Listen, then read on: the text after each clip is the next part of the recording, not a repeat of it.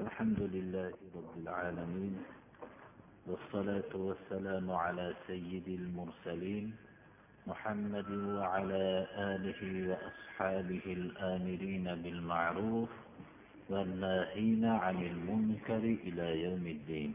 أما بعد السلام عليكم ورحمة الله. أعوذ بالله من الشيطان الرجيم. يريد الله ليبين لكم ويهديكم سنن الذين من قبلكم ويتوب عليكم والله عليم حكيم. والله يريد أن يتوب عليكم ويريد الذين يتبعون الشهوات أن تميلوا ميلا عظيما. يريد الله أن يخفف عنكم وخلق الإنسان ضعيفا.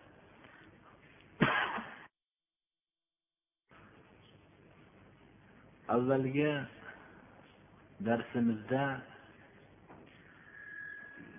meros haqlaridagi bo'lgan oyatlarni o'rgangan bo'ldik. Undan keyingi darslarimizda mahramlarga taalluqli bo'lgan oyatlarni o'rgangan bo'ldik. Va shu bilan birga nikoh haqidagi hurra ayollarga nikoh qilishlikka imkoniyatlari bo'lmagan kishilar bu ko'rilar bilan nikohlanishlikka ham alloh subhanahu va taoloning ruxsatini o'rgandik. Alloh subhanahu va taolo bizlarga juda ko'p ahkomlarni bayon qilib berdi. Hayotda qaysi narsa insonga manfaatli bo'lsa bu narsaga buyurdi. Qaysi narsa insonga zararli bo'lsa bu narsadan qaytardi. Alloh subhanahu va taolo bu ahkomlarning meros haqidagi bo'lgan ahkomlar bo'lsin boshqa ibodat qismidagi ahkomlar bo'lsin hamma hukmlarini bayon qilishlikdan bandalardan biror bir narsani maqsad qilmaydi. Ulardan biror bir narsa talab qilmaydi. Faqat alloh subhanahu va taolo ularga o'zlarining manfaatlari bo'lgan ahkomlarni bayon qilib berishlikni maqsad qiladi. Mana bu maqsadni ifodalab qur'oni karimda alloh subhanahu va taolo bizlarga e'lon qilyaptiki olloh sizlarga o'zinglarning manfaatinglarni bayon qilib berishlikni maqsad qiladi. Sizlardan ilgari o'tgan payg'ambarlarning yo'llariga sizlarni yo'llashlikni maqsad qiladi. Chunki odam alayhissalomdan tortib o'tgan payg'ambarlarning hammasi alloh subhanahu va taoloning vahiy ko'rsatmasi asosida yo'l tutgan ummatlarni shu yo'lga yo'llashgan biror bir narsani o'zlarining havoyi nafslaridan olib kelgan emas islom bu yangi odamlarga kelgan narsa emas. Muhammad alayhissalom odamlarga bir yangi narsani olib kelgani yo'q.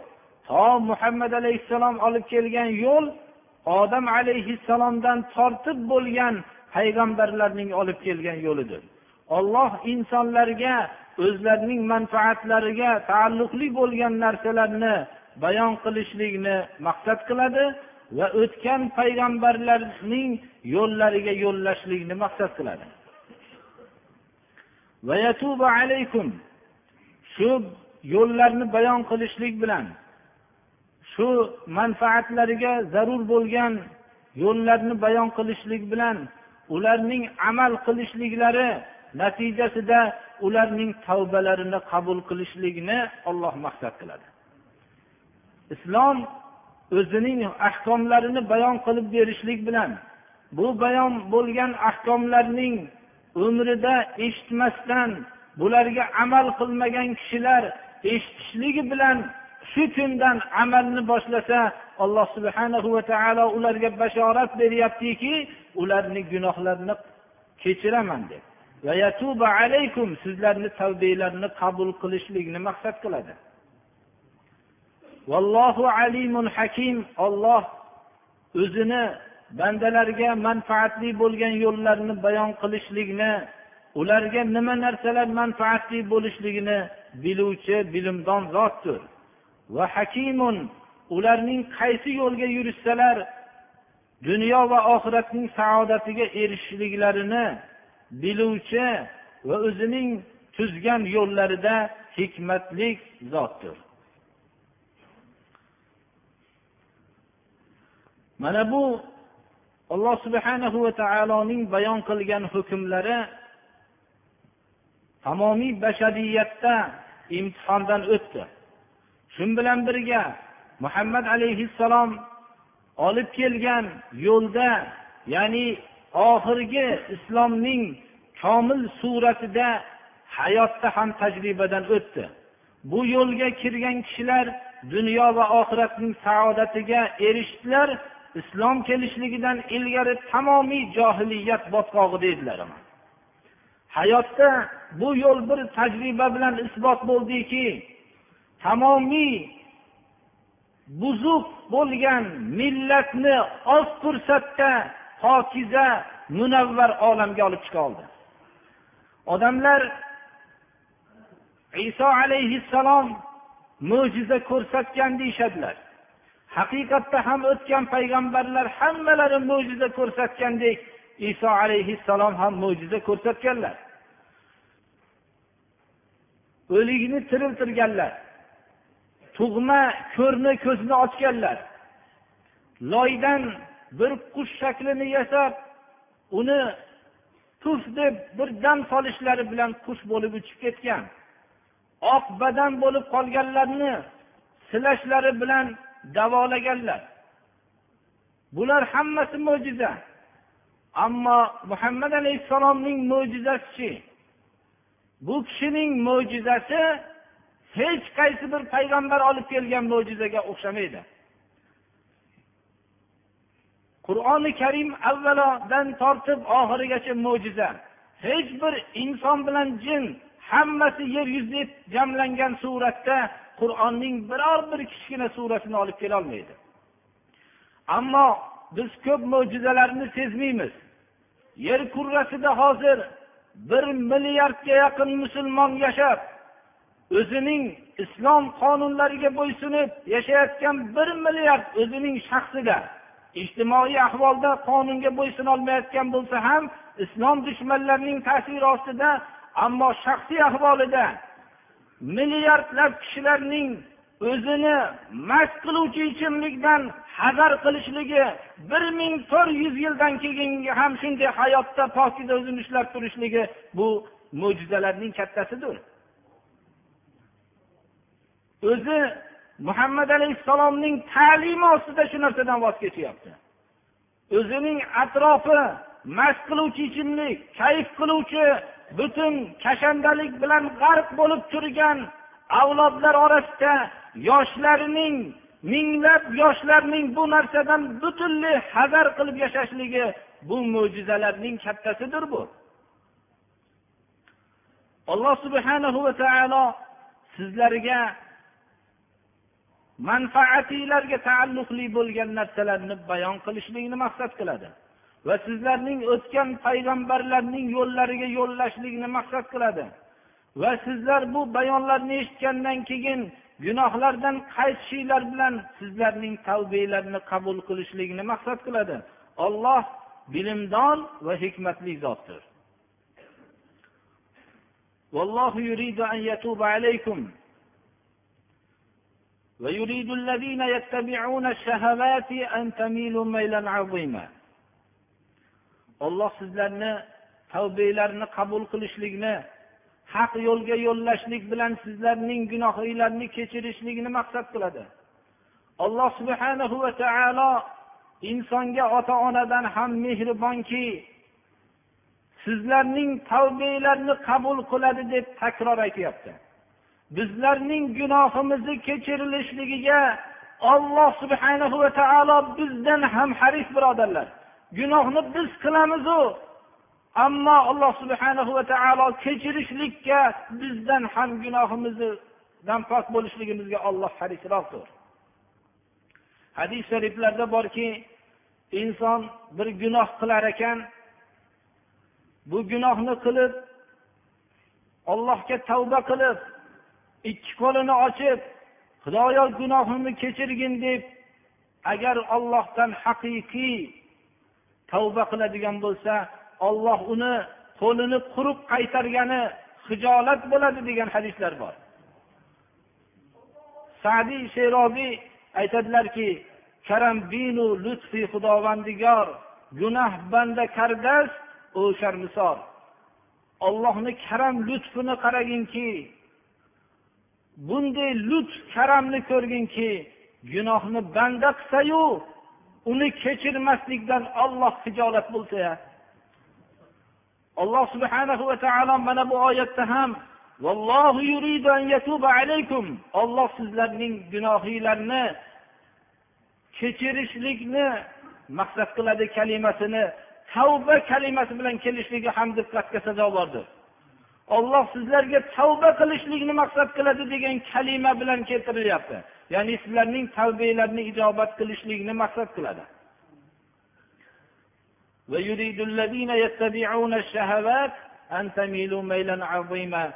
Ammo shahovatlarga ergashgan kishilar o'zlarining xohishlari nima bo'lsa shuni qilib yurgan kishilar bular sizlarni to'g'ri yo'lga solmoqchi emas. Bular sizlarni haq yo'ldan tamoman burib tashlamoqchi. Insonni shayton vasvasa qiladi. Ammo inson shaytonlari xususan yoshlik vaqtidagi shayton bo'lgan ulfatlar tamomiy haqdan buni burib tashlashlikni maqsad qiladi. Unga yengillik olib kelmoqchi emas. Unga shariat harom qilgan narsalarni ichishlikka yeyishlikka shariat qil degan narsalarni qilmaslikka qilma degan narsalarni qilishlikka targ'ib qilayotgan inson shaytonlari ya'ni shahovatlarga ergashgan kishilar haqdan butun bashariyatni tamomiy boshqa yo'lga burishlikni maqsad qiladi. Alloh subhanahu va taolo bizlarni tavbamizni qabul qilishlikni gunohlardan pok bo'lishligimizni maqsad qiladi. Ammo shahovatlarga ergashgan kishilar shahovatlariga qul bo'lgan kishilar hozirgi vaqtda ham insonlarni butun xohishlari yo'liga solayotgan odamlar tamomiy odamlarni yo'ldan chiqarib tashlashlikni maqsad qiladi. Alloh subhanahu va taolo bularning hammasini bir qatorga bir safga qo'yib shahovatlarni ya'ni o'zlarining xohishlariga ergashayotgan kishilar deb bir safda sanayapti.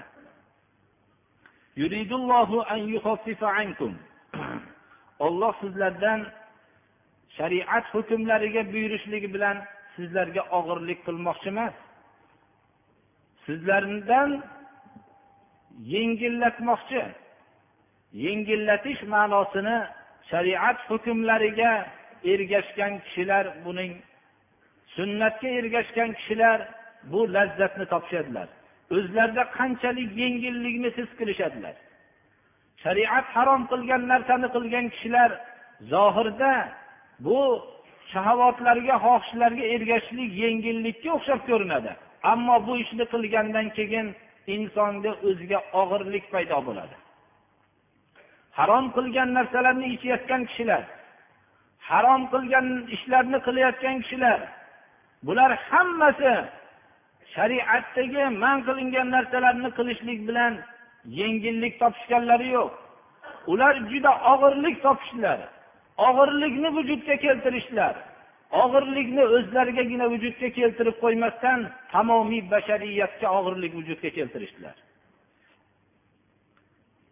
harom qilgan narsalarni ichayotgan kishilar o'zlarining nasllarini butun og'ir ahvolda qo'yishdilar.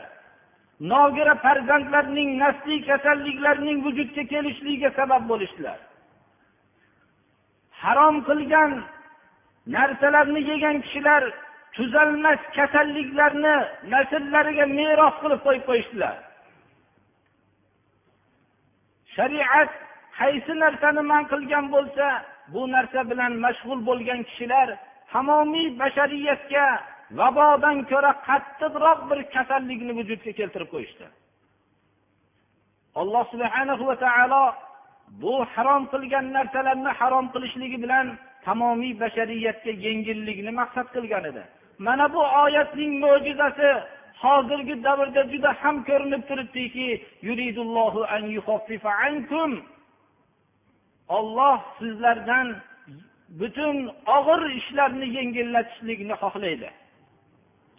Qaysi bir millat shariat hukmlariga ergashgan bo'lsa u millatda bir yengillik vujudga keldi.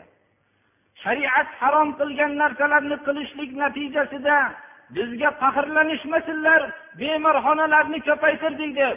Bu bemorxonalarni bemorlarni vujudga keltirganligini ham esga olishsin shariat harom qilgan narsalar natijasida butun olam bemorxonaga aylanib ketyapti.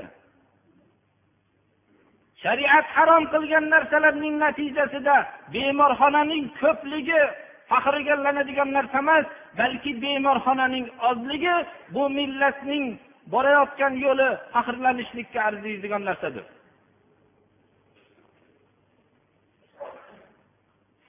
Tug'ilib kasallikka duchor bo'layotgan narsalar hammasi bu kasalliklar shariat harom qilgan narsalardan vujudga kelyapti. Odamlar o'zlari o'ylashadilarki xohlagan narsasini qilishlik bilan yengillik vujudga kelayotganga o'xshaydi. Ularning shunday aqllari zaiflashganki shu narsani yengillik deb yashashlik bu juda ham zaiflikdir. Inson shunday zaif yaratilganki alloh subhanahu va taoloning ularga yengillik uchun buyurgan ahkomlarini tushunmasdan yashaydi. Agar tarixdagi va hozirdagi raqamlarga bir murojaat qilinar ekan tamomiy insoniyat og'irlikda yashayotganligini guvohi bo'lamiz. Bu narsani o'ziga xos bo'lgan o'rinlardan talab qilinadi. Bizni hozirgi ozgina fursatimiz bu narsalarni hammasini bayon qilishlikka o'rin yo'q. Hozirgi insonlar haqida qayg'urayotgan dinga mansub bo'lgan va dinga mansub bo'lmagan olimlar ham insoniyat ustidagi qanchalik og'irlik turganligini his qilmoqdalar. Bular hozirgi vaqtdagi axloqan buzuq bo'lgan mast qiluvchi ichimliklar kayf qiluvchi kashandaliklar bu narsalarning harom narsalarning yeyotgan millatlarni boshqa millatlardan ajratishlikka e'tibor bermayotgan tabiblar kelajakda bashariyat oldida mas'ul bo'lib javobgar bo'lishadilar demoqdalar. Hozirgi tabiblar yuqumli kasalliklarni oldini olishlik uchun juda katta mablag'larni sarf qilishyapti. Kasalliklar yuqmasligi uchun juda katta bir e'tibor beryapti lekin bu kasalliklar jasadga yuquvchi kasalliklar. Ammo ma'naviyatning narxi shunday arzon bo'lganki axloqsiz bo'lgan butun xulq degan narsa nima ekanligini bilmaydigan xalqlarni pokiza xalqlardan ajratishlik haqida biror bir tabibni yoki biror bir huquqshunos yo biror axloqqa taalluqli bo'lgan olimlarning ajratishlik haqida fikr yuritganligini eshitganmisiz? Bu narsaning insoniyatga yuqumliligi nihoyatda bir kattadir bu. Bu ma'naviyat e'tiborga bo'lmagan tuzumlar mana shunday faqat tandurustlikni hisobga olishadilar lekin tandurustlik ham ularga muyassar bo'lmayapti. Alloh subhanahu va taolo haq yo'lni bayon qilgan. Insonlarga yengillatishlikni hayotning yengil hayotini vujudga keltirishlik yo'llarini ko'rsatgan lekin bu inson zaif yaratilganligi bilan bu hikmatlardan bebahra bo'lib yashaydi.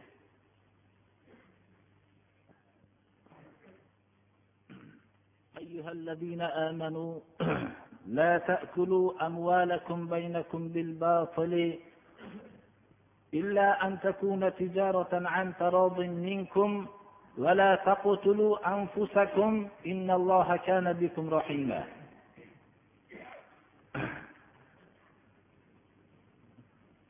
oilaga taalluqli bo'lgan hukmlar bayon qilindi. Suraning avvalida tamomiy bashariyat bir katta oilaga mansub ekanligini alloh subhanahu va taolo eslatib o'tdi va kichkina oila haqidagi bo'lgan ahkomlarini nozil qildi. Va tamomiy bashariyat o'rtasidagi oila bog'lanishlarining mumkin bo'ladiganlari va mumkin bo'lmaydiganlarini bayon qildi. Va bu katta oilaga mansub bo'lgan jamiyat albatta moliyaviy aloqalarsiz yashashligi mumkin emas. O'rtasida moliyaviy aloqalar bilan yashashadi. Mana bu hozirgi o'rganmoqchi bo'lgan darsimiz oilaviy muomalalarda qanday qilishlik kerakligini bizlarga qisman bayon qilyapti. Ey iymon keltirgan kishilar alloh subhana va taolo iymon keltirgan kishilarga nido qilyapti. Go'yoki olloh tarafidan nido qilinishlikka bu so'zlarga quloq solishlikka sazovor bo'ladigan haqiqatda ham iymon keltiruvchi kishilar.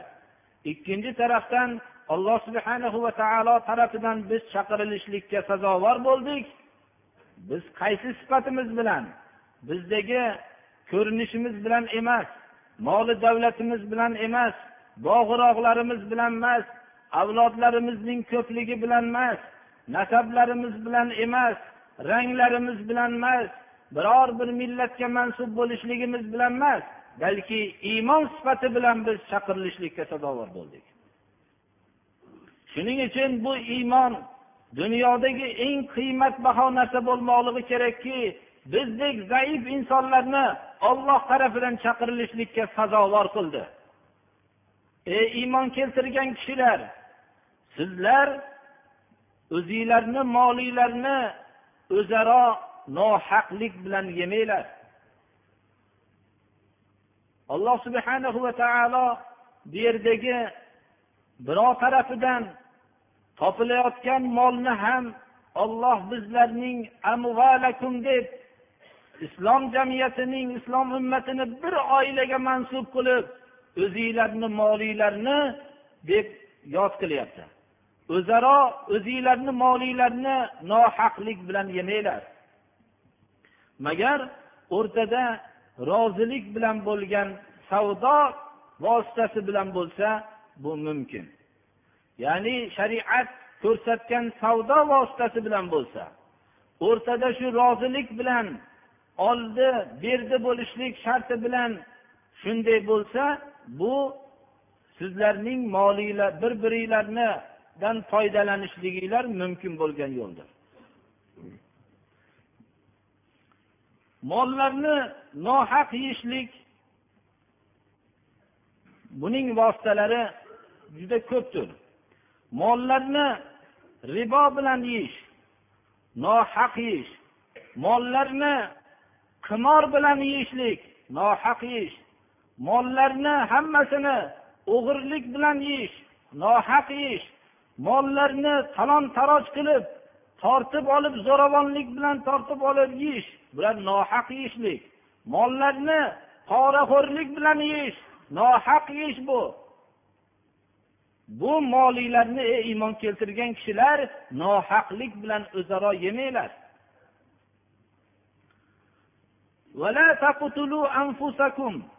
O'zinglarni qatl qilmanglar. O'zinglarni o'ldirmanglar. Qaysi bir millatda molni nohaq yeyish bo'lar ekan bir birlarini qatl qilishlikka olib boradi. Bu narsa hozirgi yashayotgan jamiyatda yaqqol ko'rinib turibdi. O'g'rilik bilan mollarni yeyish odamlarni qatl qilishlikka sabab bo'lyapti. Talon taroj qilib yeyishlik bular qatlga sabab bo'lyapti. Poraxo'rlik bilan yeyish odamlarning tamomiy bir birlarini o'ldirishlikka sabab bo'lyapti.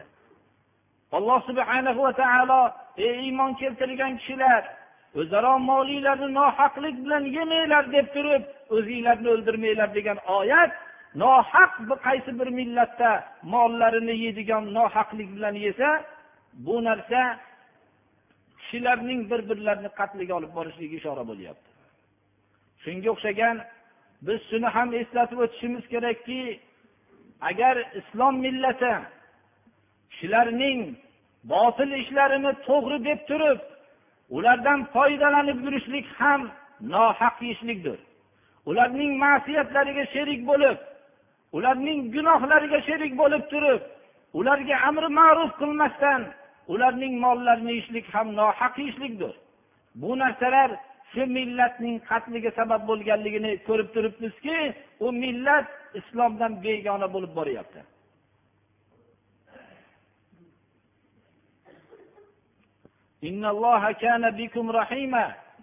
Olloh sizlarningga mehribon zotdir. Shuning uchun o'zaro moliylarni nohaq yeyishlikdan qaytaryapti. chunki moliylarni nohaq yeyishlik bir biringlarni qatlinglarga olib borardi olloh bunday bir biringlarni qatlinglarga olib boradigan o'ldirishlikka olib boradigan yo'ldan qaytarib sizlarga mehribonlik qilyapti عدوانا وظلما فسوف نصليه نارا وكان ذلك على الله يسيرا bu ishlarni olloh qaytargan ishlarni tajovuzkorlik bilan zulm bilan qaysi bir kishi qilsa kim bo'lishligidan qat'iy nazar har qancha zo'ravon bo'lishligidan qat'iy nazar alloh subhanahu va taolo uni kelajakda do'zax o'tiga kirgizamiz deyapti. Alloh subhanahu va taolo tarafidan bayon kelgandan keyin buni qabul qilmasdan o'zining nohaq yo'lida davom etadigan bo'lsa alloh subhana va taolo uni do'zaxga kirgizadi kelajakda. U har qancha nohaq yo'l bilan yurgan odamlar ko'proq davo qilishadiki o'zlarining zo'ravon deb davo qiladi. Bizlarni osonlikcha bizga birov azob berolmaydi deydigan da'vogarlar bo'ladi. Alloh subhana va taolo ularga xitob qilib bu ish ollohga juda yengildir. unday zo'ravon sanaganlarni do'zaxga olib kirib qo'yishligi juda yengil ishdir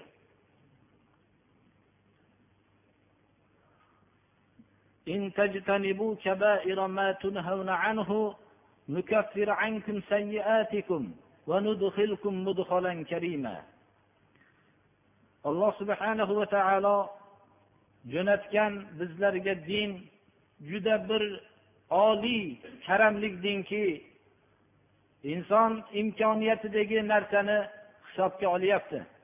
Inson nafs havo sababli ko'p gunohlarga kirib qolishligini hisobga olyapti.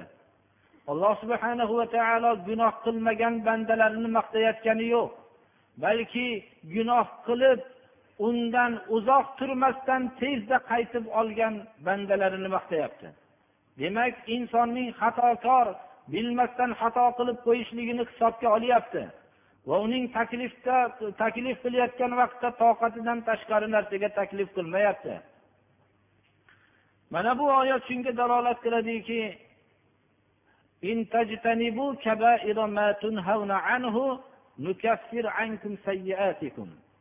agar sizlar qaytarilgan narsalarning kattalaridan chetlansanglar olloh sizlarni qaytargan gunohlar bor. Bularning gunohi kabiralardan chetlangan bo'lsanglar sizlarning xatoinglarni kechiramiz deb va'da qilyapti alloh taolo. Faqat gunohlarning kechirilishligigina va'da qilmasdan balki oliy o'rinlarga olib kiramiz deb fazlini ham bayon qilyapti. Gunohi kabiralar haqida biz peshindagi darslarimizda bayon qilib berdik. Ba'zi hadislar borki gunohi kabiralarning yettita ekanligini ollohga shirk keltirishlik gunohi kabira va sehr gunohi kabira va nohaq odam o'ldirishlik gunohi kabira va shu bilan birga ota onaga osiy bo'lishlik gunohi kabira va hokazo mayta o'lim o'laksani yeyishlik gunohi kabira. Shunga o'xshagan gunohi kabiralarni hammasini qisman bayon qilingan gunohi kabiralarning dan ijtinob qilib o'zinglarni saqlasanglar sizlarning xatoinglarni biz kechiramiz deyapti alloh taolo.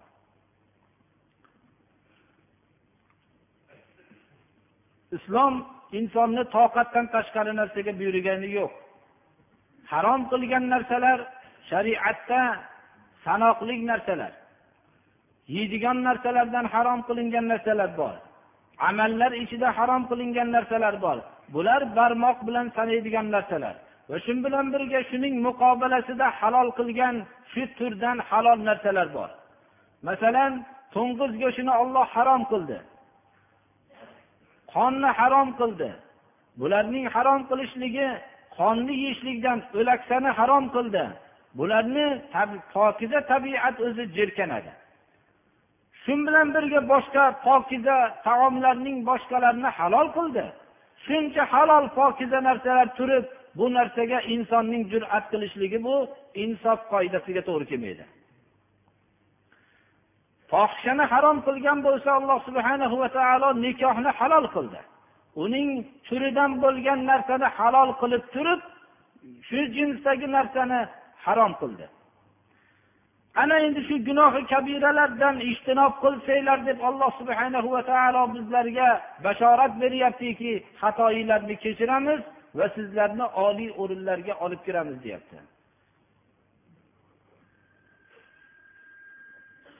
Mana bu oyat rasululloh sollallohu alayhi vasallamning butun ummatiga ommatan bashoratdir bu. Gunohi kabiralardan chetlangan kishilar insonda sodir bo'lgan xatolarni boshqa xatolarni olloh kechiradi. Bismillahi rohmanir rohim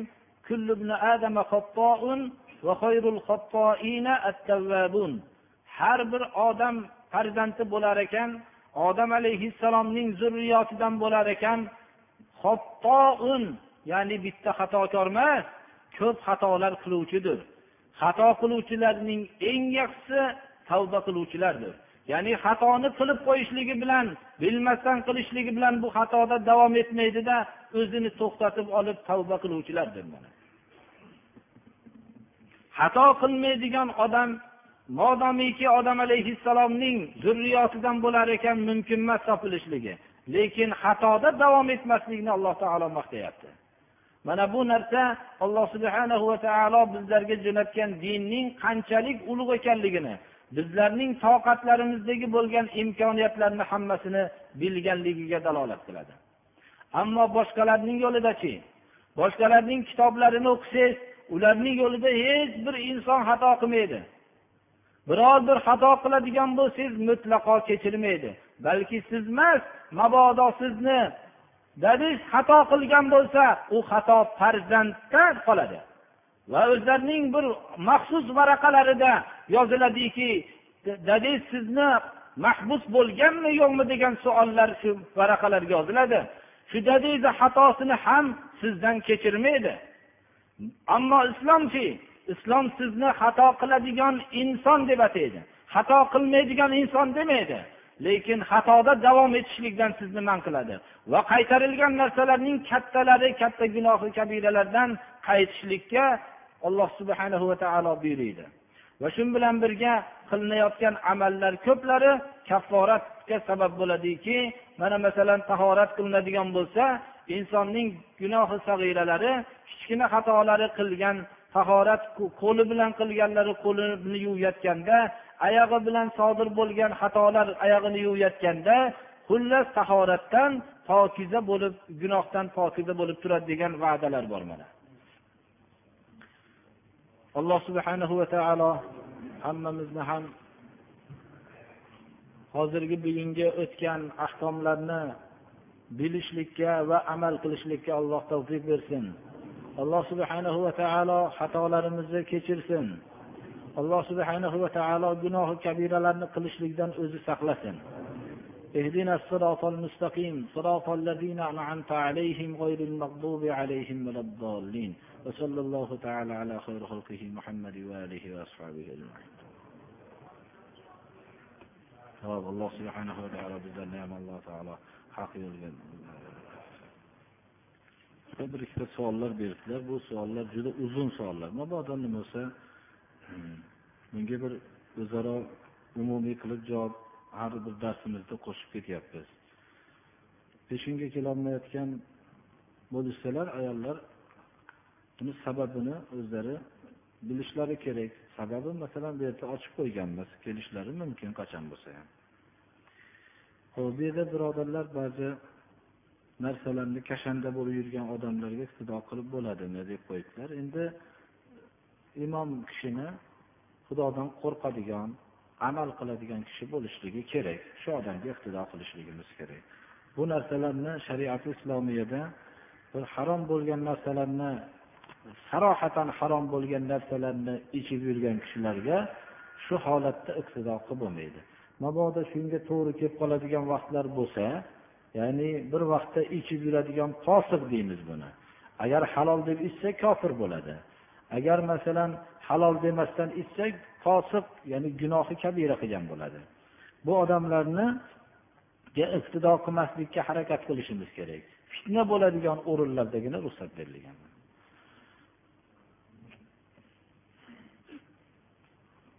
Bir birodarimiz mana bir bir ikkita yetim farzandlarni tarbiya qilyapti ekan bittalari bir ortiqcha bir shu farzandlarni bir notobligini bayon qildilar alloh taolo shifo bersin mana.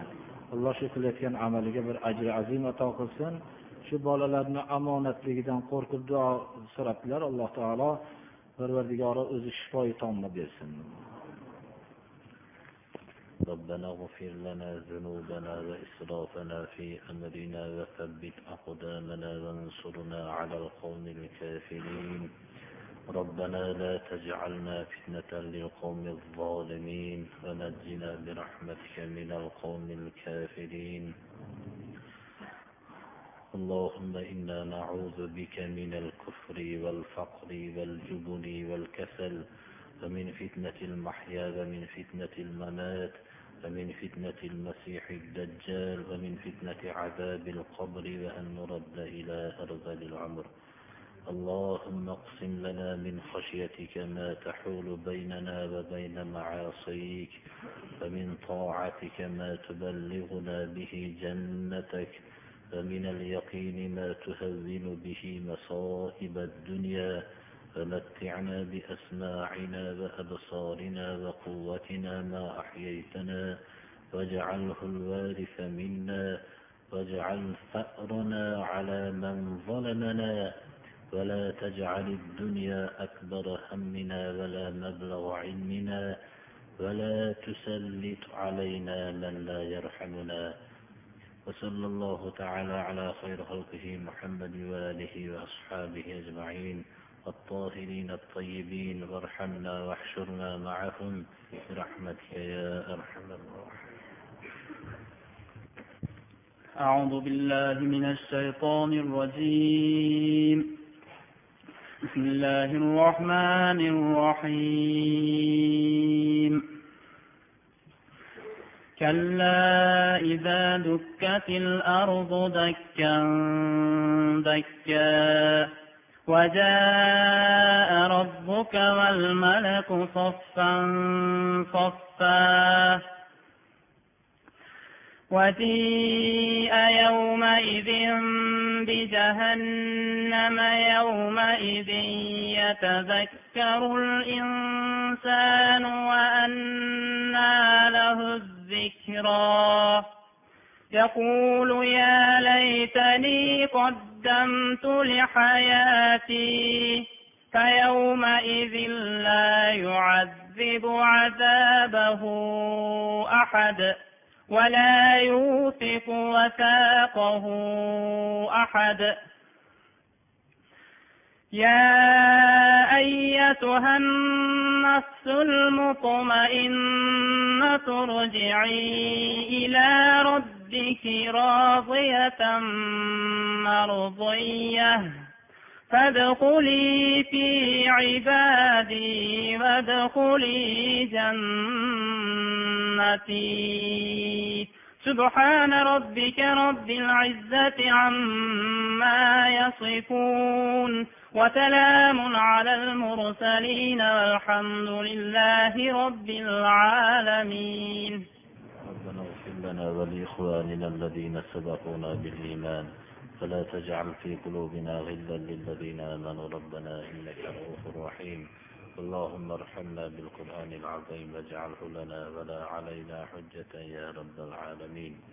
وصلى الله تعالى على خير خلقه محمد وآله وأصحابه أجمعين. الله Amin. Alloh subhanahu va taolo hammamizni ham gunohlarimizni mag'firat qilsin, ibodatlarimizni qabul qilsin. Alloh taolo mehmonlarimizni ham qadamlariga Alloh hasanotlar bersin. Dini islom xizmatida bo'lgan kishilarning xizmatiga Alloh zafar bersin. Alloh